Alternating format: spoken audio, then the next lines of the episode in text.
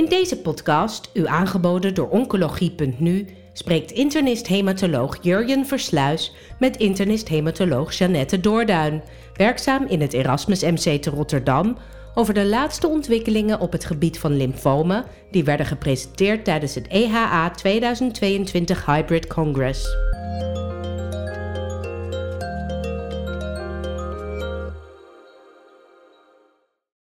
Jeanette Doorduin, welkom bij deze podcast waarin we de highlights op het gebied van lymfoom van uh, de EAA 2022 zullen bespreken. Uh, maar voordat we over de abstracts gaan praten, wil ik eigenlijk van jou weten, hoe was het weer om op een fysiek congres te zijn? Nou, dat is natuurlijk heel erg leuk. Uh, collega's weer te zien, ook de praatjes te, te volgen live met mensen om je heen, wat geroezemoes, ehm, de informele contacten. Ja, ik vond dat weer heel erg leuk. Ja ja, je hoort wel dat er wat mensen met COVID terug zijn gekomen. Dat is dan natuurlijk wel weer jammer. Maar we gaan zien of het, uh, hoe lang dit uh, goed blijft gaan. Maar ik vond het erg leuk. Was er eigenlijk een mondkapjesplicht op zo'n congrescentrum? Nee, alleen in het openbaar vervoer in Wenen. Overigens, ik hoorde van de taxichauffeur alleen in Wenen, niet in de rest van Oostenrijk. Daar moest je het mondkapje voor. Ja. Goed, nou, er is, uh, als we het hebben over lymfoom, veel om uit te kiezen. Ook deze EH weer. We gaan proberen zoveel mogelijk te bespreken. Maar het zal niet allemaal lukken. Um, en we gaan via folliculair lymfoom, Burkitt, mantelcel, sluiten we af met het Hodgkin lymfoom, maar we beginnen met het diffuus grootcellig B-cel lymfoom. En naast CAR-T werden natuurlijk interessante data getoond van bispecifieke antilichamen. En de eerste studie die ik met je wil bespreken is de studie met epcoritamab, die gepresenteerd werd als late-breaking abstract. Het gaat hier om een fase 2 dose-expansiestudie uh, welke patiënten werden geïncludeerd in die studie? Uh, dat waren patiënten die een uh, diffuus grootcellig B-cel recidief hadden.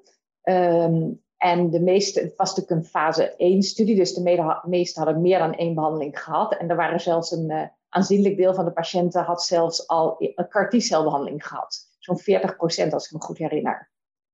En een ja. deel had dus ook al autologe stamceltransplantatie gehad daarvoor. Um, dus het, het, waren ruim voorbehandelde patiënten. Ja, met ook allemaal snel recidief, hè? want uh, de mediane tijd tot recidief vanaf diagnose was 1,6 jaar. Ja, ja, de meeste hadden inderdaad, uh, ja, dat zijn de slechte lymfoompatiënten en die kwamen dan uiteindelijk uh, ja, voor deze studie in aanmerking. Ja, klopt. Nou ja, en met dat in het, achter, in het achterhoofd, wat waren de resultaten van epcoritamab? Want we weten natuurlijk wel dat het een, een goed middel lijkt te zijn ja, het was, een, een uh, het, het, was echt een heel mooi resultaat. Uh, met uh, een, een groot patiënt, ik denk zo'n 60 60% van de patiënten had een, eh, had een, had een respons. Um, overal respons was ja, zelfs hoger, volgens mij 70% bijna. Um, dus ja, dat, dat zag er echt goed uit. En ook de duur van de respons was mediaan een jaar. En dat, is, ja, dat is toch heel mooi voor zo'n ja, eigenlijk single agent uh, therapie. Ja, ja je, je, zegt al single agent. Um, uh, er moeten natuurlijk vervolgstudies komen met dit middel. Laten we eerst nog heel even de toxiciteit bespreken. Was die buitensporig in deze studie? Nee, nee dat valt erg mee. Het is, er wordt wel wat gezien aan cytokine release. en er wordt ook wel ICANS beschreven, maar dat is heel erg beperkt. Um, zeker als je het vergelijkt met de CAR-T-celbehandeling. maar je moet er wel rekening mee houden. Uh, de cytokine release syndroom kwam voor bij ongeveer 50% van de patiënten, maar bij de meeste dus graad 1. Um, ehm, en uh, ja, dat is dus, het, het is heel goed te, te, behandelen en te vervolgen. Ja. En hoe zie jij de toekomst dan van epcoritamab um, in de behandeling van diffuus grootcellig B-cel lymfoom? Ja, ik, ik, ik, er zullen natuurlijk nog veel meer mensen daar uh, voor in aanmerking komen, denk ik, de komende tijd. Bij, er is een gerandomiseerde studie voor relapsed uh, eh, DLBCL, waarbij uh, epcoritamab wordt vergeleken met uh, standard of care. Um, en, ja, en er gaat ook een studie komen met de toevoeging van EPCO aan de eerste lijnsbehandeling. Dus aan EPCO. En dan heb je EPCO plus AirChop of plus Chop? Nee, plus AirChop wordt het volgens mij. Ja. Oké. Um, dat, dat is wel een uh, internationale studie die door de Hovon, uh, uh, waar de Hovon de sponsor zal zijn. Dat is het plan. En ehm, nee, dat is niet zo. De, de wordt de sponsor van de oudere studie met, met Minichop. En ja. Ehm, hoe wordt dit in het algemeen verdragen als je kijkt naar, naar subgroepen inderdaad, als je, wat je zegt, de oudere patiënt? Kunnen die app aan, de CRS? Uh, ja, omdat de CRS erg meevalt, kunnen die dat aan. En uh, uh, ja, wij, geven, wij, hebben nu ervaring met monotherapie, uh, ehm, ook bij andere onderliggende aandoeningen, dus, dus bij allerlei lymfomen. En ehm, dat, gaat, ja, dat gaat echt heel goed. Ik denk dat, dat we de meeste problemen hebben bij, bij mantelcellymfoom. Daar is de fase 1-studie nu ook even voor gesloten. Daar wordt het dus wel veel meer CRS gezien. Um, maar bijvoorbeeld ja, echt oudere patiënten ook met, een, met, met recidief folliculair lymfoom kunnen hier heel goed mee behandeld worden. Ja, dus we gaan in de toekomst nog veel meer horen van epcoritumab. Ja, dat denk ik wel. Ja. Hey, en als we dan... Mooie verbetering, ja. Ja, um, nou zijn er natuurlijk dan meer uh, firma's of meer bedrijven die nadenken over bytes. En uh, er werd ook een andere byte besproken, Glofitamab, met een net iets andere configuratie dan epcoritumab. Namelijk, als ik het goed zeg, een bivalente binding aan CD20, monovalent aan CD3. Dus dan denk ik een betere B-celbinding dan dat epcoritumab zou doen. Um, kan je iets zeggen over de resultaten van die studie? Ja, je mag natuurlijk formeel uh, studies niet, uh, niet vergelijken, maar het lijkt erop dat er ongeveer een, een, uh, eenzelfde uh, patiëntengroep in zat. ik heb ze niet helemaal rechtstreeks naast elkaar gezet hoor, maar ook daar waren waren dit uitgebreid voorbehandelde uh, patiënten, waar ook uh, 35% ongeveer eerder behandeld was met CAR-T-celbehandeling. Misschien nog wel even noemen dat er ook een ander verschil is tussen deze um, glofitamab met epcoritamab. Dat epco is subcutaan en dit is IV. Dus um, dat is nog een ander verschil, behalve dus de, de mate van, van binding. Um, maar goed, ook hier, de, de patiëntengroepen lijken ongeveer uh, gelijk. En hier was ook een, uh, goede responsrate uh, gevonden. En ehm, het werd ook gezien dat het in deze studie in ieder geval heel duidelijk was dat er eigenlijk niet een verschil was of mensen wel of niet een voorbehandeling hadden gehad met CAR T-celbehandeling. En um, ja, ook weer goede, goede, goede behandeling. Ja, en ook weer beperkte toxiciteit, hè? eigenlijk geen ernstige CRS. Klopt. Wat ik, wel, wat ik wel boeiend vond bij deze studie is dat ze iedere patiënt die eh, voordat hij startte met dit middel een week tevoren obinutuzumab gaven om, zoals ze postuleerden in het abstract, uh, eh, CRS te voorkomen. Weet je daar iets van? Kan je daar iets over zeggen, wat daar de gedachte achter is? Nee, ja, ja, ik denk dat ze dat dan doen in de zoals we dat eigenlijk ook wel soms bij, bij sommige CLL-studies doen, alvast een beetje tumorreductie, um, zodat je minder kans loopt op, uh, op CRS. Um, ehm, hebben, en ja, daar kan je je wel iets bij voorstellen. Ja. Dat, dat, uh, dat, dat, kan kan, dat dat kan helpen. Ja, hoewel dit natuurlijk uitgebreid voorbehandelde patiënten. Ja, eens. Dus dat maakt, dat is, in die zin is het weer minder logisch misschien. Want er zullen er best een hoop zijn die hebben tevoren rituximab uh, gehad. Ja. Uh, ja. En ook hier moet misschien ook nog wel vermeld worden, ook bij, bij dit middel, net als bij epcoritamab overigens, begin je met een lage dosis um, en dan wordt het, uh, wordt het uh, verhoogd. Dus, dus je begint eerst een lage dosis en dan een intermediate dosis en dan de target dosis die geef je eigenlijk dat vaak pas op dag, dag 15. Ja. Dat zie je bij EPCO en dat zag je ook hier bij dit, dit middel bij de... net, um, wat in, het, in de viscelcellige B-cel dan best boeiend is, natuurlijk de, ook de data van CAR-T. Die gaan we vandaag niet uh, bespreken. Maar als je deze bispecifieke antilichamen ziet en met de CAR-T-resultaten in het achterhoofd, hoe zie jij dan de plaatsbepaling van deze therapiemodaliteiten? Ja, dat wordt nog heel aardig. Hè? Een leuke pro-con-sessie. Um, ik denk eerlijk gezegd dat um, we van deze bispecifieke nog, uh, nog weinig lange termijn uh, resultaten hebben. Um, en, en er is een ander groot verschil is natuurlijk dat je een CAR in principe één keer geeft. En dan lijkt het erop dat je een deel van je patiënt in ieder geval cureert. En dit is natuurlijk wel een behandeling die, die moet je continu blijven geven. In het begin van de behandeling uh, elke week. En daarna ga je de frequentie wat verminderen. Dat is natuurlijk wel een, een, een, andere behandeling. En, ja, en sommige mensen doen het niet op CAR-T en wel op de bispecifieke. Dus ja, wat het uiteindelijk de voorkeur gaat krijgen, is, is lastig. Um, is toxischer, maar het voordeel is natuurlijk wel dat je dan na een tijd ook klaar bent met je behandeling. Hoewel je daar natuurlijk ook wel weer mensen ziet die nog een langdurige neutropenie hebben, nog GCSF moeten hebben bij CAR T-celbehandeling en ook uh, misschien zelfs sommige mensen weer immuunglobuline suppletie nodig hebben. Dus hoe het zich, ik denk, het is denk ik heel interessant om te zien hoe het gaat ontwikkelen. Ja, het oordeel is niet eenvoudig, hoor ik al. Uh... Nee. Zeg dan nog een ander type hooggradig lymfoom, het primair centraal zenuwstelsel lymfoom. Ja. Je hebt zelf lange termijn data laten zien van, uh, van jouw studie eigenlijk, hè, de HOVEL 105-studie. Kan je me nog even herinneren wat die studie onderzocht um, en wat je, dan hebt, wat, wat je nu hebt laten zien? Ja, in de studie hebben we uh, ons in, in, in Nederland, Frankrijk en Australië het standaard MVP-schema vergeleken met uh, MVVP waar rituximab aan was toegevoegd. Dus de, de, de directe rechtstreekse vraagstelling was MVVP versus rituximab MVVP. Een vrij simpel design met uit te zoeken, heeft rituximab enige waarde bij de behandeling van primair centraal zenuwstelsel lymfoom? En die vraag was met name natuurlijk interessant, omdat je je af kunt vragen, komt rituximab als relatief groot molecuul door de bloed-hersenbarrière? Misschien in het begin wel, hè, als, die nog niet, als die nog kapot is, maar misschien ook niet of onvoldoende.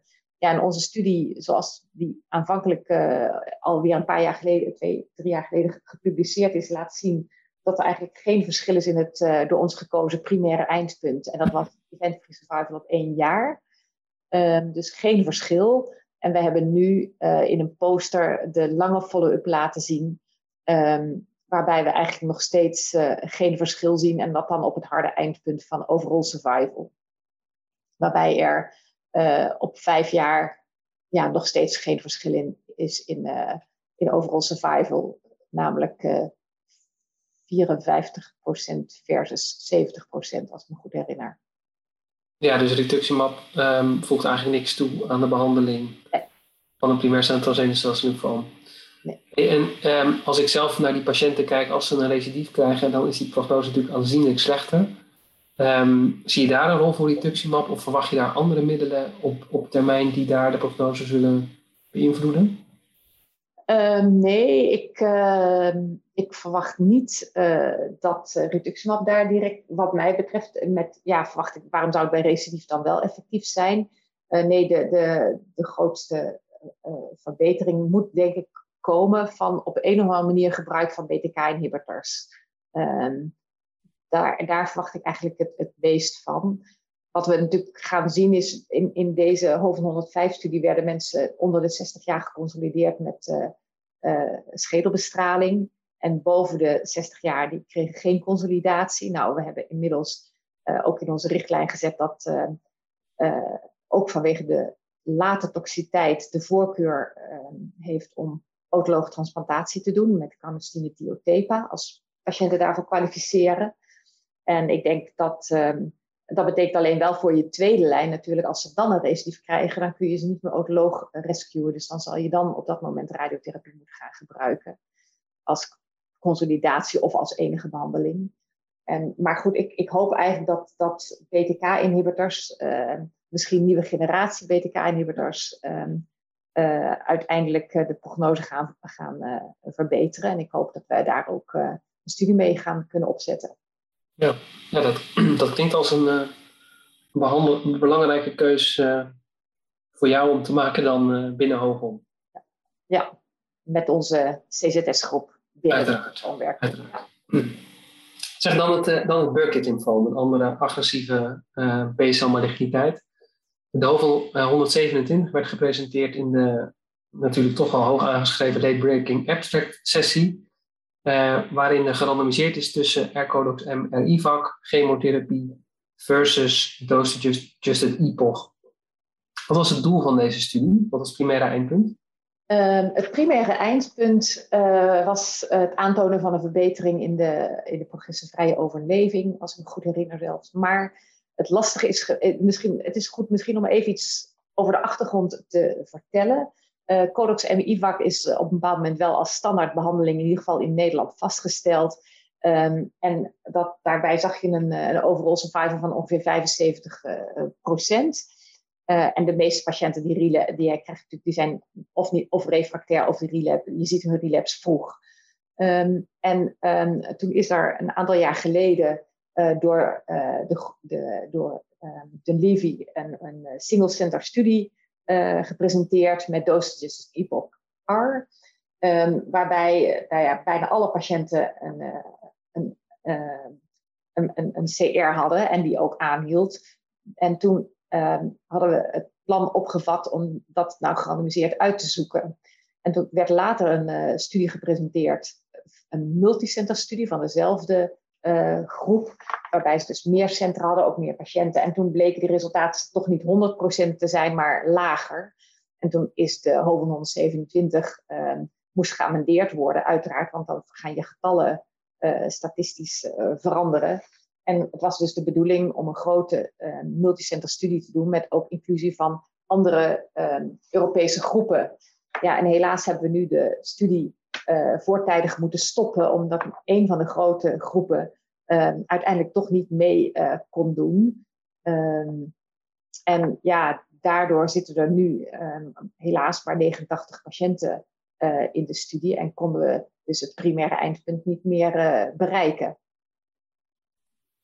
Nee, en. Um, oh, dit was ook een tweejaars progressievrije overleving. Dat was Precies, ja, want dat, wil, dat wilde ik zeggen. Die waren, ja denk ik.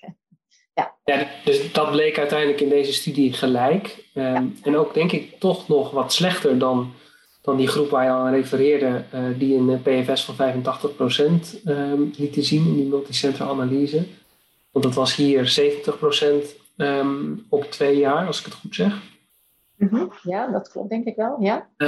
maar, maar toch was deze studie denk ik wel, want het was natuurlijk niet voor niets uh, geaccepteerd voor de datebreaking sessie waren de data wel boeiend. Ehm, wat, wat, wat zijn voor jou hier de belangrijkste resultaten? Nou, het belangrijkste is dat, dat uh, hoewel het dus een kleine patiëntengroep was, de, de curves uh, echt helemaal over elkaar heen liggen. De overall survival is gelijk.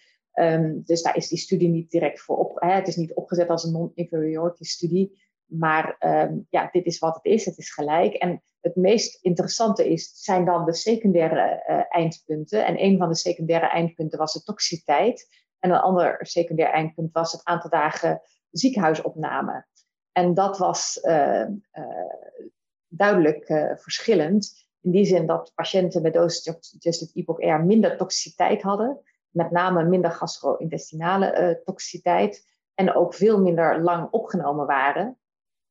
Het, het, is ook een schema, het is ook een behandeling die kan je voor een deel uh, goed polyklinisch geven. Misschien de eerste kuur niet, hè, dan zijn de patiënten nog ziek, maar wel de vervolgkuren. En mensen krijgen zes keer zo'n kuur. Dus die vijf keer kan je het op je behandelcentrum geven. En het is een, een continu infuus uh, waarmee de mensen wat, wat in een ja, infuuszak gedaan kan worden. En waarmee mensen dan met een pompje naar huis kunnen.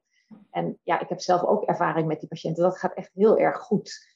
En uh, ja, als je dan dus ziet dat mensen langer en ja, veel minder opgenomen zijn en ook verder minder toxiciteit hebben, dan kan je je natuurlijk voorstellen dat dit een heel aantrekkelijk schema is. En als je dan ziet dat de uitkomsten gelijk zijn, dat het ook een, een voorkeursschema kan zijn voor uh, behandeling.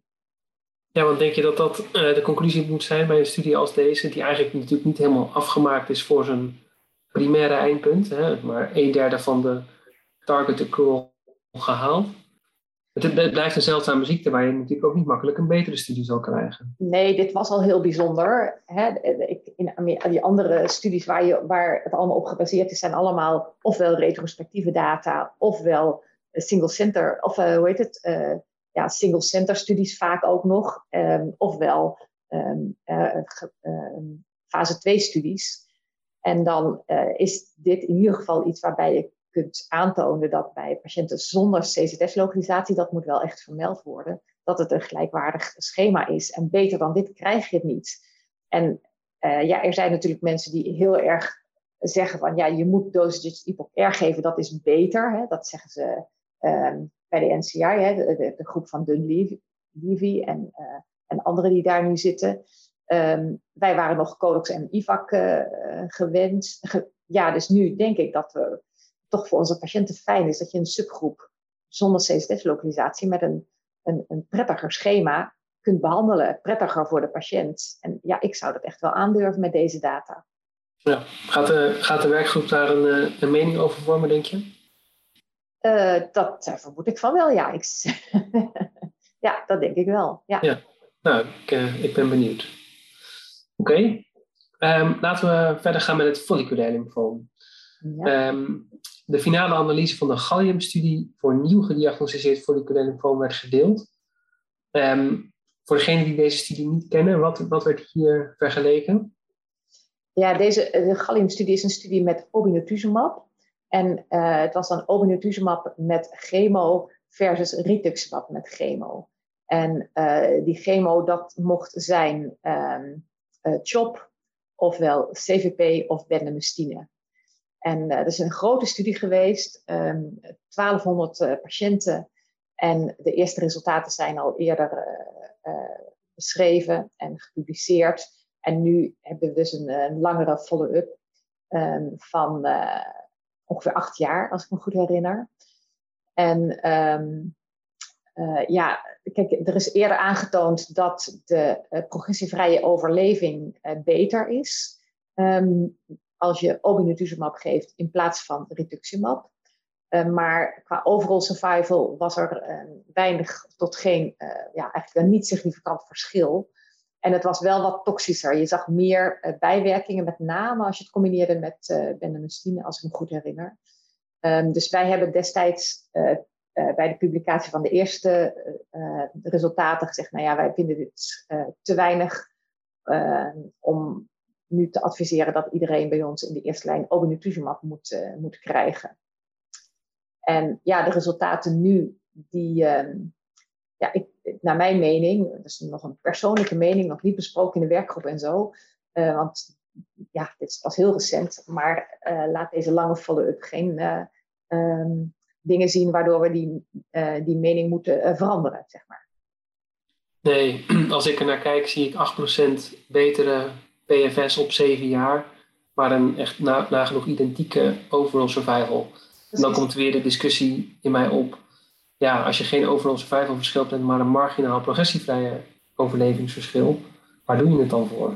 Ja, zeker. Dat, dat, dat, dat is het. En dat natuurlijk al helemaal bij een ziekte met eigenlijk toch wel een hele fraaie uitkomst. En het is ook aardig om te zien dat er een, een heel veel mensen uh, op zeven jaar nog geen eens een tweede lijnsbehandeling waren gestart. Hè. Dat was iets van 75 en 65 procent, meen ik.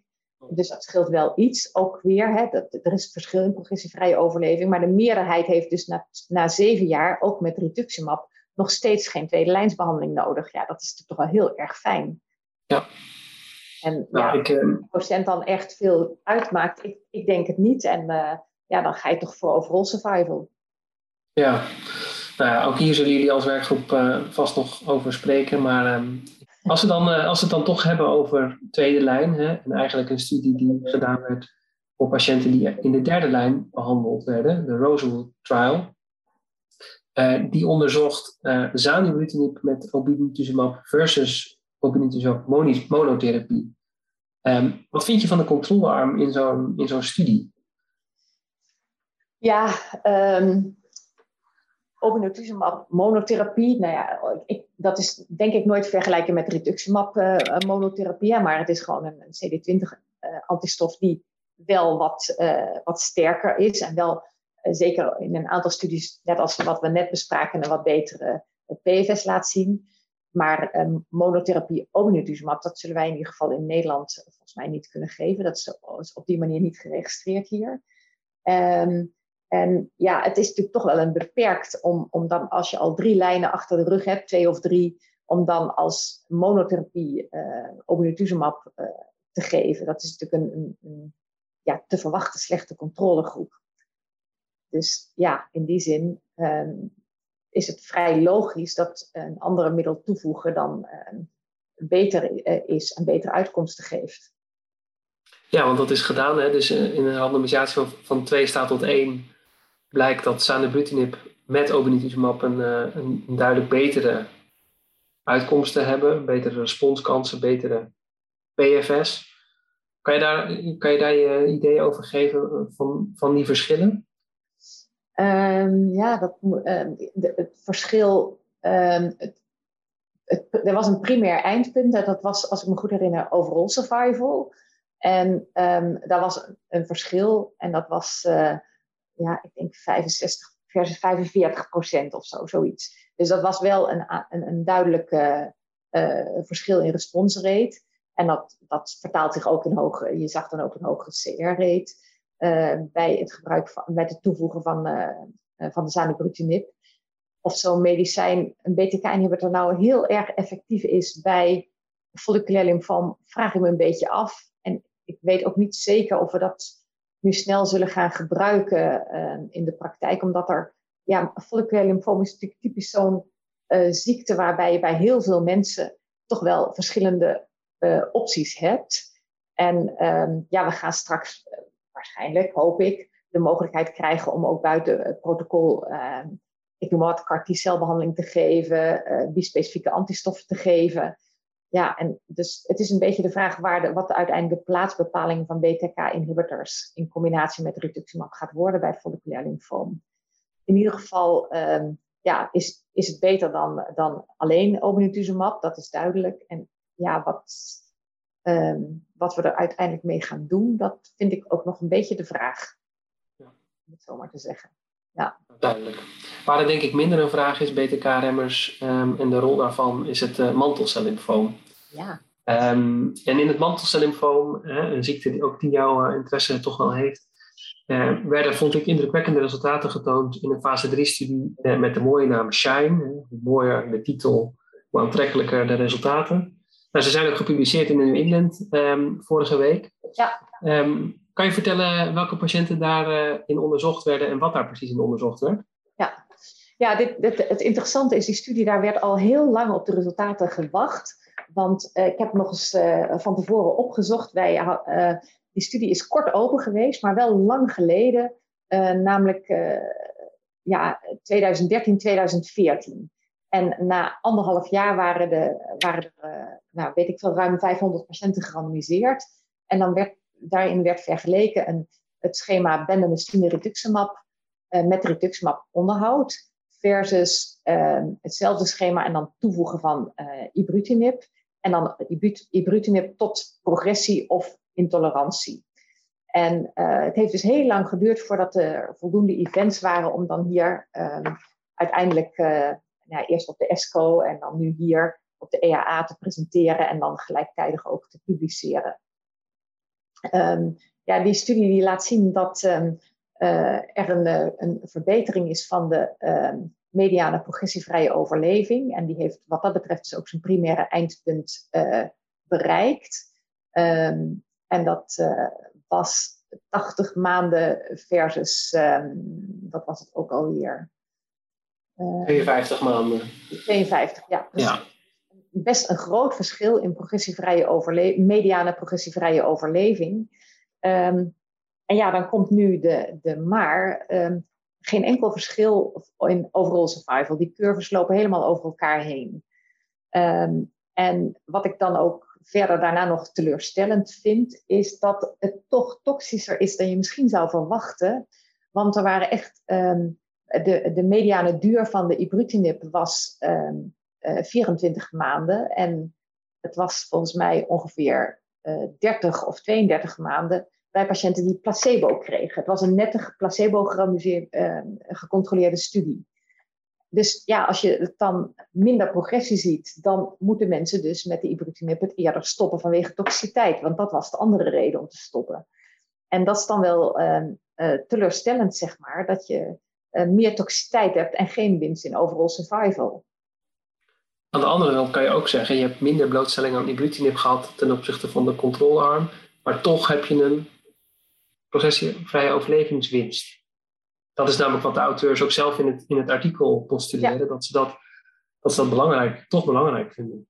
Ja, ja dat is, dat, dan, dan moet je daarnaar gaan kijken van hoe belangrijk vind je dat. Kijk, je kunt wel zeggen, ook voordat je stopt, hebben mensen wel uh, uh, toxiciteit. Um, want anders stop je niet. Dus daar gaat wel een periode aan vooraf van meer toxiciteit. En en geen overall survival winst. Ehm, dus ja, je zou ook kunnen zeggen, misschien moet je zeggen, nou ja, je gaat het standaard bijvoorbeeld twee jaar geven. Ehm, hè, want, maar goed, mediaan werd er gestopt na, na 24 maanden. Dus een deel van de patiënten al wel eerder. Maar goed, stel je, je, je zegt, nou ja, in, in, een standaard schema gaan we zeggen, nou ja, we doen het twee jaar en dan stoppen we en dan, heb je, dan bereik je dit effect. Maar ja, dan, dan stel je toch patiënten bloot aan toxiciteit die geen, uh, en geen winst in overall survival. Je kan ook zeggen, ja, misschien werkt het dan toch ook wel heel goed in de tweede lijn. Ja, ja want niet alle patiënten het hadden hè, in de tweede lijn. Nee, dus dat, dat vind ik een beetje, zoals ik zelf het artikel lees, een, eh, een, een gebrek. Waarom uh, is er geen verschil in overall survival? Hè? Wat is de verklaring daarvoor? Werd ibrutinib inderdaad of een andere BTK-remmer in de tweede lijn toegepast? En, en, dat komt op mij niet zo duidelijk naar voren. Nee, volgens mij was dat. Uh, ik, heb in het, ik had deze studie natuurlijk met extra belangstelling gelezen. Dus ik heb ook al die uh, um, dingen die je op internet kunt, nog kunt vinden naast het artikel um, in die supplementen. En um, ja, dan, dan hebben ze echt maar weinig uh, ibrutinib ook in de tweede lijn gekregen. En sommige patiënten uit de studie die progressie hebben, hebben dan het in de tweede lijn weer wel. Die hebben dus, ook al hadden ze het in de eerste lijn gekregen, in de tweede lijn weer gekregen. Waarschijnlijk omdat er heel veel tijd zat tussen uh, de progressie en het moment dat ze het gestopt hadden. Um, maar wat ik nog wel wil eh, noemen en wat we misschien ook ons moeten realiseren is, dit is een studie geweest bij oudere patiënten die niet in aanmerking kwamen voor autologe stamceltransplantatie. En um, die patiënten die, um, die hadden een mediane in de, deze patiëntengroep was, had mediane leeftijd van 71 jaar. En als je dan natuurlijk kijkt naar nou ja, een goede respons, uh, progressie na um, uh, 80 dan wel, nou, zeg, zeg 50 maanden, dat is dus sowieso al vier tot zeven jaar. Um, die mensen zijn inmiddels natuurlijk toch ook een, echt een stuk ouder geworden. En komen misschien, ja, die gaan misschien ook dood aan andere dingen. Um, en uh, sommigen zullen ook een tweelijnsbehandeling niet goed meer verdragen. Of die verdragen zelf al meteen niet de benda met uh, rituximab en ibrutinib. Uh, het zijn, ja, ik denk dat, dat we dat ook mee moeten nemen. Dit, dit is een studie geweest, een oudere patiëntengroep, ja. uh, die ook eerder last hebben natuurlijk van toxiciteit. En eigenlijk dus is volgens mij jouw conclusie dan des te indrukwekkender zijn deze lange PFS-data, uh, deze lange overlevingsgetallen. Ook met monotherapie, eh, zeg maar, bendamustine rituximab al. Ja, de, de, de, een mantelcellymfoom heeft al geen... We hebben daar gewoon goede behandelingen voor. Of je nou kiest voor AirChop of AirBenda.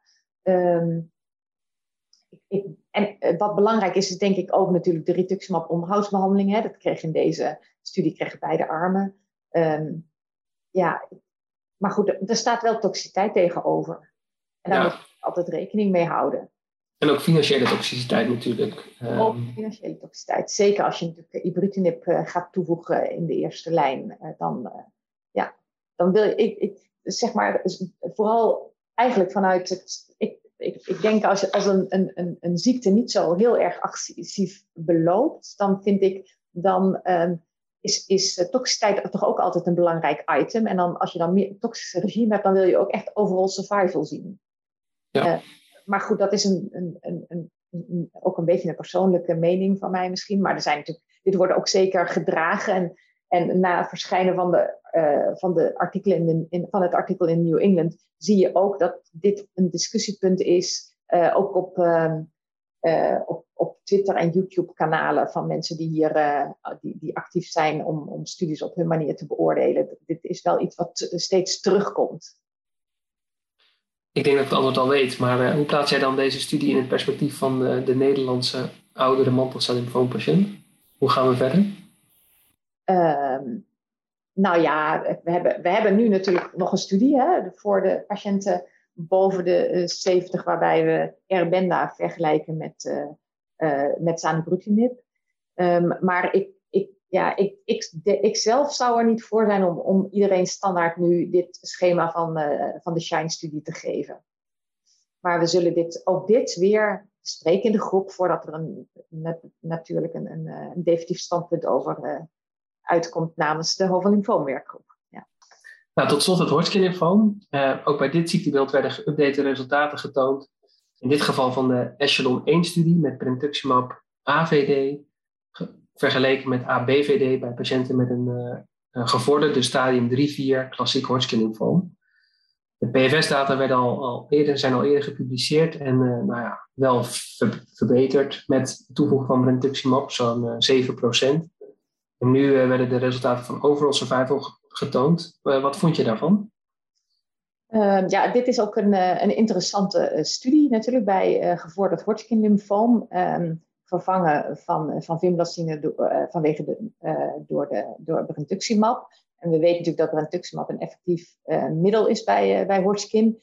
Um, ja, deze, dit is voor ons een beetje een lastige studie, want de, de richtlijn in, in Nederland is dat je bij ABVD als je, als je al start bij gevorderd word je met ABVD, is het advies om dan na uh, twee kuren een interim PET te maken. En bij patiënten waar de PET niet negatief is, te escaleren naar escalated BCOP. Um, met ja, toch uh, goede resultaten. Um, en uh, ja, ik, ik moet je zeggen dat dus de details, of ze iets gedaan hebben met die interim PET in deze studie, eerlijk gezegd weet ik dat niet meer precies. Maar het, het, is niet één op één over te zetten naar ons schema, want de patiënten met een positieve interimpet gingen dus niet door naar geen geëscaleerd schema. Um, dus weet niet of dit nou um, een, een, een, aanpassing gaat geven in, in ons beleid in, uh, in Nederland, of we dan moeten switchen naar brentuximab met AVD bij start. Omdat wij ja, een heel ander type uh, behandeling doen met, met, uh, met chemotherapie, dat wel. Ja, en vind je dan dat er überhaupt geen plaats is voor brentuximab in de eerste lijn? Omdat het behandelschema zoals we dat nu hebben al best goed is? Uh, ja, dat vind ik nog, nog lastig te bepalen. De, de uitkomsten van, zeker qua overleving uh, van, van Hodgkin, hoe je het ook doet, zijn echt heel erg goed. Dus um, dan moeten we toch gaan kijken naar uh, uh, toxiciteit, uh, late termijn complicaties en dergelijke.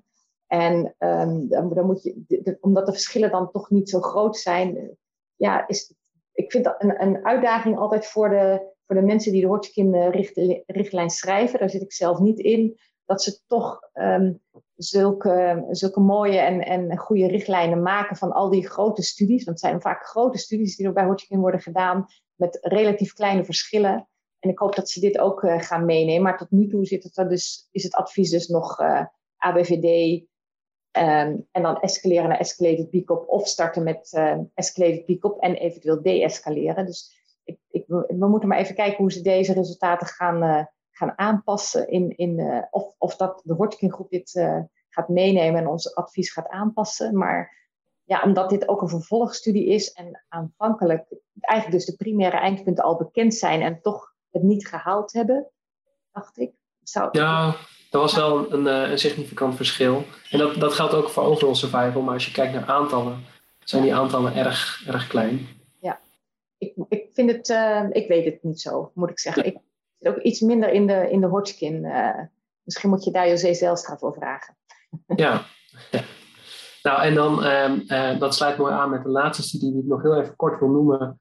Um, dat is de EARN-studie, een Duitse studie waar José zelfs daar ook bij betrokken is. Ja. Een hele kleine studie, maar de hypothese is eigenlijk best, best boeiend. Um, zij onderzoeken radiotherapie gecombineerd met uh, eh, PD, PD, anti-PD1-therapie in patiënten die al PD1-therapie gehad hebben en daarop refractair waren. Ja. Kan je iets vertellen over de, de gedachten bij deze studie? Ja, dat, dat, is, dat is echt heel interessant. Um, want het gaat er dus omdat uh, gesuggereerd wordt als je radiotherapie geeft op één klier bij patiënten die al dus een PD1-remmer gebruiken en die progressief zijn, als je dan een klier uh, bestraalt, dat daar dan ook een abscopal effect is en dat dus ook klieren die je niet bestraalt kleiner worden. En nou ja, deze studie laat zien dat dat inderdaad zo is. Um, sommige mensen hebben dan wel een mixed respons, als ik me goed her herinner. Dat, dat het dan toch weer op andere plekken ook een, uh, um, weer, wel weer een toename is. Maar het, het idee dat er een abscopal effect is van radiotherapie, dat is wel, uh, ja, dat, dat is wel aangetoond. Weet niet hoe hard. Hoe, um, die studie loopt nog steeds. Het zijn interim resultaten. Het is een fase 2 studie. Um, maar dus, dus ja, als je patiënten hebt, is het denk ik heel aardig als je dit wil doen, om dat dan in de studie te laten doen in Amsterdam en patiënten naar de VU te verwijzen. Um, maar het is, het is een heel interessant concept. Ja. nou, zeker iets waar we denk ik nog meer van uh, gaan horen. Jeanette, dankjewel. Want we hebben in, uh, in uh, korte tijd zo'n beetje alle lymfoomtypes voorbij laten komen. Hebben we nog dingen gemist? Dingen die jij op EH gehoord hebt die je nog wil bespreken, wil noemen? Nee hoor, nee. Dat, dit, dit, is, dit zijn denk ik wel de belangrijkste. En, en ja, nou ja, wat is belangrijk? Er is natuurlijk ontzettend veel ook eh, geweest over CAR ook aparte sessies over CAR behandeling. Um, ja, dat, uh, dat, dat maakt het allemaal, gaat het nog, dat gaat natuurlijk ook een enorme vlucht nemen. Maar ja, ik denk dat dit voor, voor nu wel even genoeg is, eerlijk gezegd. Drie kwartier. Oké, okay. nou Jeanette, ontzettend bedankt en tot op een volgend congres. Ja, oké. Okay. Succes! Bent u geïnteresseerd in meer podcasts?